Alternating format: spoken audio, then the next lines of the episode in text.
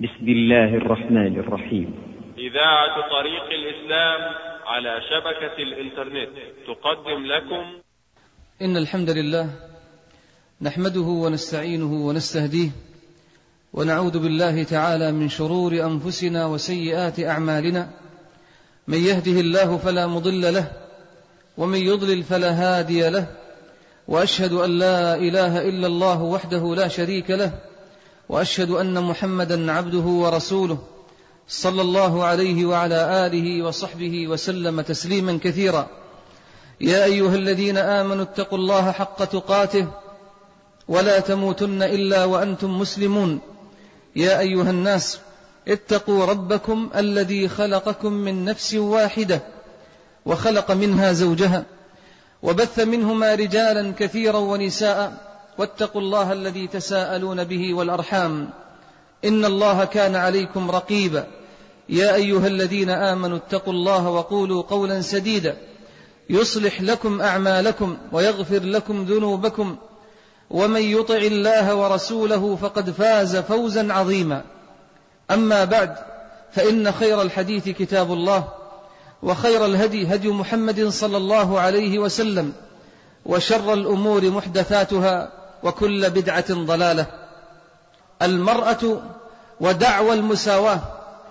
أيها الإخوة المسلمون كثر الحديث عن المرأة في المجتمعات الإسلامية في القرن الحالي والقرن الماضي حول مساواة المرأة بالرجل. وطرحت آراء متناقضة ومتضاربة. فواقع المرأة الغربية اليوم واضح كل الوضوح. أبيح لها الزنا والفجور والتحلل وأبيح لها العمل في تنظيف الشوارع في المصانع في الوظائف المختلفة. نادوا بشعار المساواة مع الرجل وانحلال الأسرة وقامت قوانينهم في الغرب وفقا لذلك.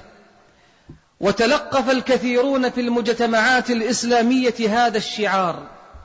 شعار مساواة المرأة بالرجل.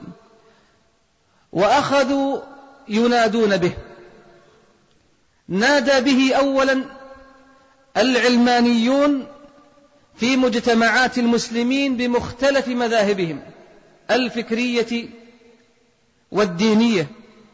ثم أخذ يزحف إلى عقول بعض دعاة المسلمين بعض دعاة المسلمين وإلى أقلامهم وكتبهم حينا على استحياء وحينا آخر على جرأة واندفاع واستماتة في إثبات أن المرأة لدينا كالرجل في الحقوق والواجبات والمسؤوليات. مما جعل البعض ينساق خلف صيحات التغيير كلما صرخ صارخ وكلما نعق ناعق. أيها الإخوة ما المقصود بمساواة المرأة بالرجل؟ وكيف يمكن أن يتساويا؟ هذا ما سأتحدث عنه بإذن الله تعالى في هذه الخطبة. أيها الإخوة المرأة لها وظائف خاصة بها. لا يستطيع الرجل أن يقوم بها. والرجل كذلك له وظائف خاصة. لا تستطيع المرأة أن تقوم بها. وهناك أعمال مشتركة بين الرجال والنساء لا يمكن للحياة أن تمضي إلا أن تكون المرأة امرأة والرجل رجلا. وأن يقوم كل منهما بدوره الذي كلف به ليتكامل العمل في الحياة حتى يؤدي كل دوره الذي خلق له. إن هذا هو معنى حديث رسول الله صلى الله عليه وسلم النساء شقائق الرجال. لم يقل مساواة المرأة بالرجل إنما قال النساء شقائق الرجال. أي أن كل منهما يكمل الآخر. ولو كان المعنى أن المرأة مناظرة للرجل ومساوية له لاستغنى كل منهما عن الآخر. ولو كان الأمر كذلك أيضا لخلق الله الحياة إما بوجود المرأة وحدها أو بوجود الرجل وحده وهو قادر جل جلاله. إن شعار مساواة المرأة بالرجل شعار مضلل وخاطئ من ثلاثة وجوه. خاطئ علميا لأنهما لا يمكن أن يتساويا فيما اختص فيه. هذا ذكر وهذه أنثى. وخاطئ عقليا لأن هذا الشعار لا مفهوم له. وخاطئ دينيا لأنه مخالف لنصوص الكتاب والسنة وللتطبيق الواضح في أيام النبي صلى الله عليه وسلم وأيام الخلفاء الراشدين رضي الله عنهم. لقد جعل الله جل جلاله للمرأة المسلمة مسؤولية ثابتة في رعاية أولادها وزوجها وبيت الزوجية فهي مسؤوليتها الأولى التي ستحاسب عليها بين يدي ربها. فحين تقف بين يدي مولاها جل جلاله ليحاسبها فإنه سيحاسبها بمقتضى ما خلقها من أجله وبطبيعة خلقتها وتكوينها ووفق قدراتها التي وهبها الله إياها. ولن يحاسبها الله وهو الذي لا يظلم أحدا لن يحاسبها على عمل ليس من اختصاصها. أو طبيعتها فهي لن تسأل لماذا لم تخرجي إلى الشوارع لتكوني, شرطية مثلا أو تكوني منظمة مرور أو لماذا لم تقود السيارة أو لماذا لم تكوني من أصحاب الشركات والعقارات والتجارات. إن هذه الأعمال وإن كانت مباحة في الأصل لكنه ليس من اختصاصها. ولا من طبيعتها ليكلفها الله به ثم يحاسبها عليه. إن المرأة بمواصفاتها خلقت لغاية غاية أجل وأسمى مما تنادي به اليوم بعض نساء المسلمين وبعض التغريبيين في بلاد المسلمين. إن البيت أيها الإخوة يحتاج إلى رعاية فهل يترك أمره إلى الخدم؟ وإلى المربيات والنتيجة اليوم كما ترون في أبناء المسلمين. هل يترك الأمر إلى الخدم والمربيات؟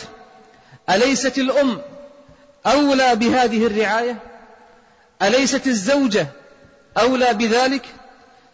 إن المرأة مكلفة شرعا لأن تكون أما وأن توفي بواجبات الزوجية.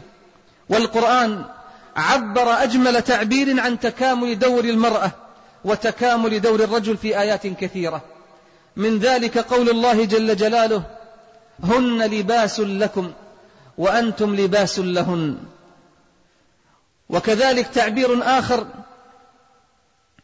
ومن آياته أن خلق لكم من أنفسكم أزواجا. قفوا عند هذه الآية كثيرا أيها الإخوة. وتأملوا فيها جيدا. ومن آياته أن خلق لكم من أنفسكم أزواجا. إذا فالأساس الذي خلقت من أجله المرأة أن تكون زوجة. خلقت لأن تكون زوجة ليسكن إليها الزوج. فطبيعة الحياة لا تتحمل أن يبقى الرجل الزوج الذي يكدح ويتعب ويعمل بلا أنيس يسليه ولا زوجة تواسيه لتسكنوا إليها. وجعل بينكم مودة ورحمة. إن في ذلك لآيات لقوم يتفكرون. للرجل دوره وللمرأة دورها وكل يكمل الآخر ولا يساويه حتى تمضي الحياة. على سنن الله الثابتة أدوار متكاملة لا أدوار متساوية. أيها الإخوة إن مسؤولية المرأة المسلمة عن بيت زوجها لا يعني أنها هي المسؤولة الوحيدة التي عليها الوفاء بل قد تكون داعية لله ولرسوله وناشطة في ميادين الحياة الاجتماعية التي تكفل لها عفتها وهي طبيبة ومعلمة وتاجرة وغير ذلك لكن هذا كله ليس على إطلاقه وتفلته فله في الإسلام حدود وضوابط. ألا يعني الإسلام؟ الاستسلام لله والانقياد له. إن محور ما يسعى إليه دعاة المعاصرة اليوم المحور الذي يشتغلون من أجله على المرأة هو مشاركة المرأة في الميدان السياسي. ليكون هذا الميدان حقا لها مثل حق الرجل تماما. ولو سألنا التاريخ عند غير المسلمين أولا كم نسبة النساء اللواتي حكمن وترأسن الدول؟ لأتانا الجواب نسبة ضئيلة جدا. ولو سألنا كذلك التاريخ الإسلامي كم النسبة؟ أن تترأس المرأة في الدولة الإسلامية لكانت النسبة أيضا أقل بكثير. فلماذا إذن الحرص على تولي المرأة رئاسة الدولة؟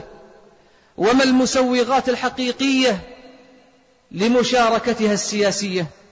هل هو إعطاؤها حق المساواة؟ أم أن المسوغ هو خروج المرأة ليخر سقف, سقف الأسرة على الأسرة وعلى الأبناء وعلى الزوجة؟ لقد منحت المرأة أيها الإخوة اليوم اليوم منحت حق المساواة في ميدان العمل. لا أقول في البلاد الغربية بل في بلاد العالم الإسلامي والعربي. فانظروا ماذا جرى لها. كم وجدت المرأة من المضايقات والمعاكسات. كم استغلت من قبل الرجل فابتزها وسلبها عفتها. كم تحطمت أسر بأكملها. وكم هي حوادث الطلاق التي وقعت. بل هي كم هي جريمة شرف داست المرأة. فلا هي نالت حق المساواة التي تنادي بها. ولا الواقع صدق هذا الشعار الذي رفعه أدعياء المساواة مساواة المرأة بالرجل.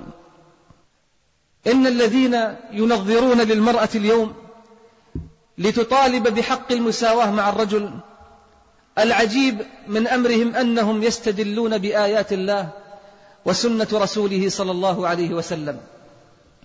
لقد استدلوا بقوله سبحانه وتعالى يا أيها الناس اتقوا ربكم الذي خلقكم من نفس واحدة. فيقولون إن هذه الآية تشير إشارة واضحة إلى مساواة المرأة بالرجل.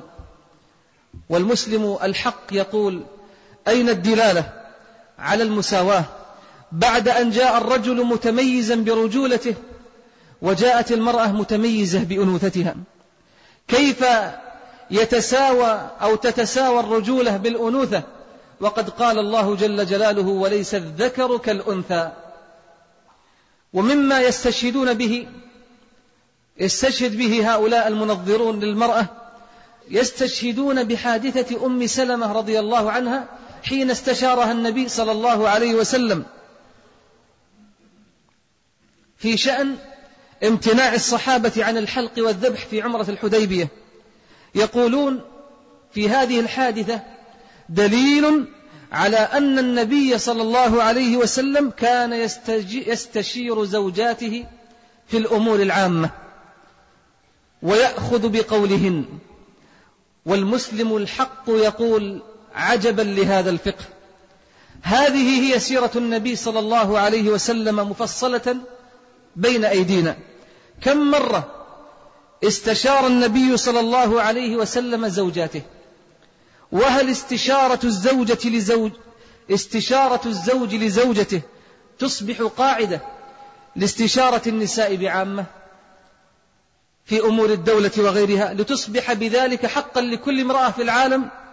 وهل كانت استشارة النبي صلى الله عليه وسلم لأم سلمة وغيرها من زوجاته؟ هل هي كاستشارة أبي بكر؟ وعمر وعثمان وعلي رضي الله عنهم أجمعين. ومن من النساء كانت موضع الشورى الدائمة أيام النبوة والخلافة الراشدة. من من النساء من تأمل في سيرة النبي صلى الله عليه وسلم وسيرة الخلفاء الراشدين لا يجد أن هناك امرأة كانت موضع الشورى الدائمة في شؤون الدولة العامة أو غير ذلك. إنما حدث للنبي صلى الله عليه وسلم مع زوجته أم سلمة. كان موقف خاص جدا. لم يكن من حوله عليه الصلاة والسلام أحدا يستشيره. فما كان منه إلا أن دخل بيته ليفرغ همومه وأحزانه. فواسته أم سلمة رضي الله عنها بالرأي الصائب. مجرد مواساة من أم سلمة. أفمن هذا الموقف؟ الفريد نجعل منه قاعدة عامة لمطالبة النساء بالنشاط, بالنشاط السياسي.